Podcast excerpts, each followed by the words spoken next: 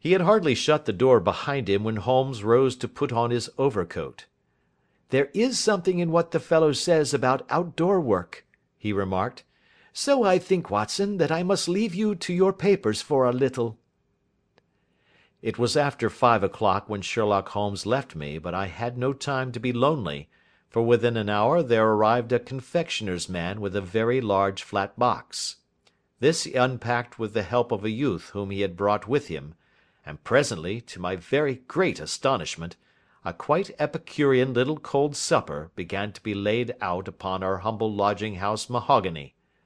There were a couple of brace of cold woodcock, a pheasant, a pâté de foie gras pie with a group of ancient and cobwebby bottles. Having laid out all these luxuries, my two visitors vanished away, like the genii of the Arabian Nights, with no explanation save that the things had been paid for and were ordered to this address. Just before nine o'clock, Sherlock Holmes stepped briskly into the room. His features were gravely set, but there was a light in his eye which made me think that he had not been disappointed in his conclusions. "They have laid the supper, then," he said, rubbing his hands. "You seem to expect company. They have laid for five." "Yes, I fancy we may have some company dropping in," said he. "I am surprised that Lord St. Simon has not already arrived. Ha! I fancy that I hear his step now upon the stairs." It was indeed our visitor of the afternoon who came bustling in, dangling his glasses more vigorously than ever, and with a very perturbed expression upon his aristocratic features. "My messenger reached you, then?" asked Holmes. "Yes, and I confess that the contents startled me beyond measure. Have you good authority for what you say?" "The best possible." Lord St. Simon sank into a chair, and passed his hand over his forehead. "What will the duke say," he murmured, "when he hears that one of the family has been subjected to such humiliation?"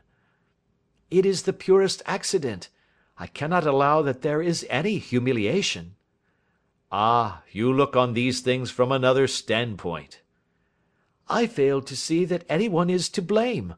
I can hardly see how the lady could have acted otherwise, though her abrupt method of doing it was undoubtedly to be regretted. Having no mother, she had no one to advise her at such a crisis." "It was a slight, sir, a public slight said Lord St. Simon, tapping his fingers upon the table. "You must make allowance for this poor girl, placed in so unprecedented a position." "I will make no allowance. I am very angry indeed, and I have been shamefully used." "I think that I heard a ring," said Holmes. "Yes, there are steps on the landing. If I cannot persuade you to take a lenient view of the matter, Lord St. Simon, I have brought an advocate here who may be more successful." He opened the door and ushered in a lady and gentleman. "Lord St. Simon," said he, "allow me to introduce you to Mr. and Mrs. Francis Hay Moulton. The lady, I think, you have already met."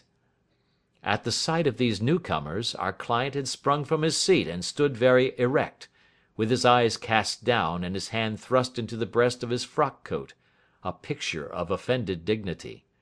The lady had taken a quick step forward and had held out her hand to him, but he still refused to raise his eyes. It was as well for his resolution, perhaps, for her pleading face was one which it was hard to resist. "You're angry, Robert," said she. "Well, I guess you have every cause to be." "Pray make no apology to me," said Lord St. Simon, bitterly. "Oh, yes, I know that I have treated you real bad and that I should have spoken to you before I went, but I was kind of rattled, and from the time when I saw Frank here again I just didn't know what I was doing or saying. I only wonder I didn't fall down and do a faint right there before the altar. Perhaps, Mrs. Moulton, you would like my friend and me to leave the room while you explain this matter?" "If I may give an opinion," remarked the strange gentleman. We've just had a little too much secrecy over this business already. For my part, I should like all Europe and America to hear the rights of it." He was a small, wiry, sunburnt man, clean shaven, with a sharp face and alert manner. "Then I'll tell our story right away," said the lady. "Frank here and I met in '84, in McQuire's camp, near the Rockies, where Pa was working a claim. We were engaged to each other, Frank and I, but then one day father struck a rich pocket and made a pile, while poor Frank here had a claim that petered out and came to nothing.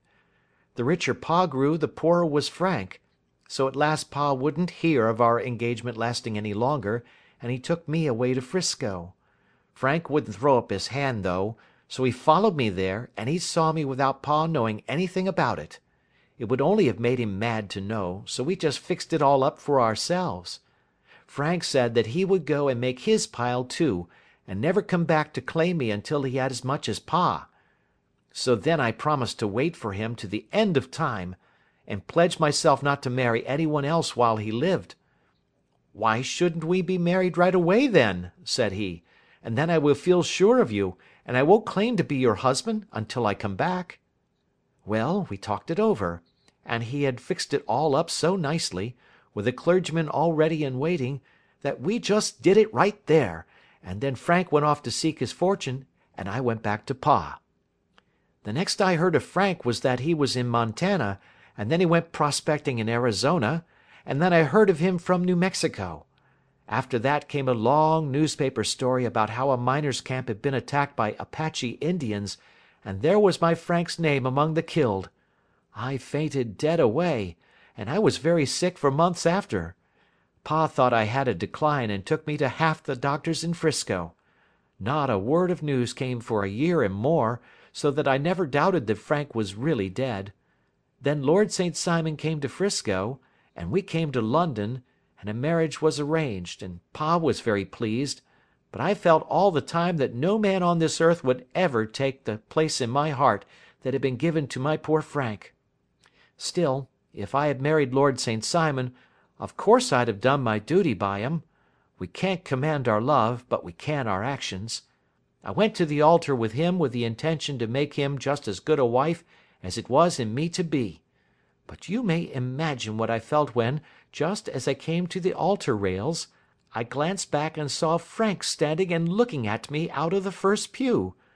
I thought it was his ghost at first, but when I looked again, there he was still, with a kind of question in his eyes, as if to ask me whether I was glad or sorry to see him. I wonder I didn't drop. I know that everything was turning round, and the words of the clergyman were just like the buzz of a bee in my ear. I didn't know what to do. Should I stop the service and make a scene in the church? I glanced at him again, and he seemed to know what I was thinking, for he raised his finger to his lips to tell me to be still. Then I saw him scribble on a piece of paper, and I knew that he was writing me a note. As I passed his pew on the way out I dropped my bouquet over to him, and he slipped the note into my hand when he returned me the flowers. It was only a line asking me to join him when he made the sign to me to do so. Of course I never doubted for a moment that my first duty was now to him, and I determined to do just whatever he might direct. When I got back I told my maid, who had known him in California, and had always been his friend. I ordered her to say nothing but to get a few things packed and my ulster ready. I know I ought to have spoken to Lord St. Simon, but it was dreadful hard before his mother and all those great people. I just made up my mind to run away and explain afterwards. I hadn't been at the table ten minutes before I saw Frank out of the window at the other side of the road. He beckoned to me, and then began walking into the park. I slipped out, put on my things, and followed him. Some woman came talking something or other about Lord St. Simon to me, seemed to me from the little I heard as if he had a little secret of his own before marriage also. But I managed to get away from her, and soon overtook Frank. We got into a cab together, and away we drove to some lodgings he had taken in Gordon Square, and that was my true wedding after all those years of waiting. Frank had been a prisoner among the Apaches, had escaped, come on to 'Frisco, found that I had given him up for dead and had gone to England, followed me there, and had come upon me at last on the very morning of my second wedding. I saw it in a paper," explained the American. "It gave the name and the church, but not where the lady lived." "Then we had a talk as to what we should do, and Frank was all for openness. But I was so ashamed of it all that I felt as if I should like to vanish away and never see any of them again just sending a line to pa, perhaps, to show him that I was alive. It was awful to me to think of all those lords and ladies sitting round that breakfast table and waiting for me to come back. So Frank took my wedding clothes and things and made a bundle of them, so that I should not be traced, and dropped them away somewhere where no one could find them. It is likely that we should have gone on to Paris to morrow, only that this good gentleman, Mr. Holmes, came round to us this evening, though how he found us is more than I can think, and he showed us very clearly and kindly that I was wrong and that Frank was right, and that we should be putting ourselves in the wrong if we were so secret. Then he offered to give us a chance of talking to Lord St. Simon alone, and so we came right away round to his rooms at once. Now, Robert, you have heard it all, and I am very sorry if I have given you pain, and I hope that you do not think very meanly of me. Lord St. Simon had by no means relaxed his rigid attitude, but had listened with a frowning brow and a compressed lip to this long narrative. "Excuse me," he said, "but it is not my custom to discuss my most intimate personal affairs in this public manner." "Then you won't forgive me? You won't shake hands before I go?" "Oh, certainly, if it would give you any pleasure. He put out his hand and coldly grasped that which she extended to him. "I had hoped," suggested Holmes, "that you would have joined us in a friendly supper." "I think that there you ask a little too much," responded his lordship. "I may be forced to acquiesce in these recent developments, but I can hardly be expected to make merry over them. I think that with your permission I will now wish you all a very good night. He included us all in a sweeping bow, and stalked out of the room. "Then I trust that you at least will honour me with your company?" said Sherlock Holmes. "It is always a joy to meet an American, Mr. Moulton, for I am one of those who believe that the folly of a monarch and the blundering of a minister in far gone years will not prevent our children from being some day citizens of the same world wide country under a flag which shall be a quartering of the Union Jack with the stars and stripes. "The case has been an interesting one," remarked Holmes when our visitors had left us, "because it serves to show very clearly how simple the explanation may be of an affair which at first sight seems to be almost inexplicable. Nothing could be more natural than the sequence of events as narrated by this lady, and nothing stranger than the result when viewed, for instance, by Mr. Lestrade of Scotland Yard. You were not yourself at fault at all, then?" "From the first, two facts were very obvious to me. The one, that the lady had been quite willing to undergo the wedding ceremony; the other that she had repented of it within a few minutes of returning home. Obviously something had occurred during the morning, then, to cause her to change her mind. What could that something be? She could not have spoken to anyone when she was out, for she had been in the company of the bridegroom. Had she seen someone then? If she had, it must be someone from America, because she had spent so short a time in this country that she could hardly have allowed anyone to acquire so deep an influence over her that the mere sight of him would induce her to change her plans so completely. You see we have already arrived, by a process of exclusion, at the idea that she might have seen an American. Then who could this American be? and why should he possess so much influence over her? It might be a lover. It might be a husband. Her young womanhood had, I knew, been spent in rough scenes and under strange conditions. So far I had got before I ever heard Lord St. Simon's narrative. When he told us of a man in a pew, of the change in the bride's manner, of so transparent a device for obtaining a note as the dropping of a bouquet, of her resort to her confidential maid, and of her very significant allusion to claim jumping, which in miners' parlance means taking possession of that which another person has a prior claim to, the whole situation became absolutely clear. she had gone off with a man, and the man was either a lover or a previous husband, the chances being in favour of the latter." "And how in the world did you find them?" "It might have been difficult, but friend Lestrade held information in his hands the value of which he did not himself know. The initials were, of course, of the highest importance, but more valuable still was it to know that within a week he had settled his bill at one of the most select London hotels." "How did you deduce the select?" "By the select prices. Eight shillings for a bed and eightpence for a glass of sherry pointed to one of the most expensive hotels. There are not many in London which charge at that rate.